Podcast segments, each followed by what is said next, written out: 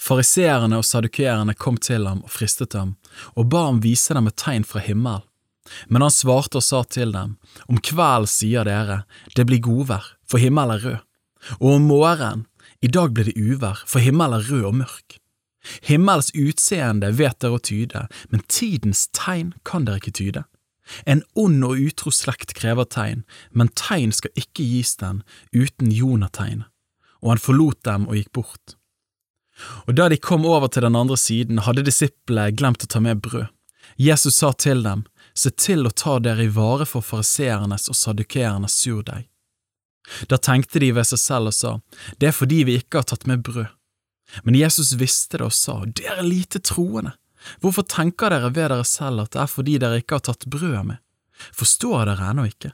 Husker dere ikke de fem brødene til de fem tusen, og hvor mange kurver dere tok opp, eller de sju brødene til de fire tusen, og hvor mange store kurver dere da tok opp? Dere må da skjønne at jeg ikke snakker til dere om brød, men ta dere i vare for fariseernes og sadukerernes surdeig. Da forsto de at han ikke hadde ment at de skulle ta seg i vare for surdeigen i brød, men for fariseernes og sadukerernes lære. Da Jesus var kommet til traktene ved Cesarea Filippi, spurte han disiplene sine, Hvem sier folk at menneskesønnen er? De svarte, noen sier døperen Johannes, andre Elia, andre igjen Jeremia eller en av profetene. Han sier til dem, Men dere, hvem sier dere at jeg er?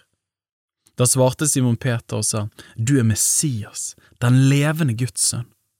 Jesus svarte ham og sa, Salig er du, Simon, Jonas' sønn, for det er ikke kjøtt og blod som har åpenbart dette for deg, men min far i himmelen. Jeg sier deg at du er Peter, og på denne klippen vil jeg bygge min menighet og dødsrikets porter skal ikke få makt over den.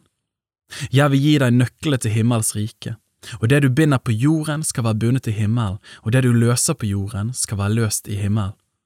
Så bød han disiplene strengt at de ikke skulle si til noen at han var Messias. Fra den tiden begynte Jesus å gjøre det klart for disiplene sine at han måtte dra til Jerusalem, og at han skulle lide meget av de eldste og ypperste prestene og de skriftlærde at han skulle bli slått i hjel og at han skulle reises opp på den tredje dagen. Da tok Peter ham til side og ga seg til å irettesette ham og sa, Gud fri deg, Herre, dette må aldri skje deg.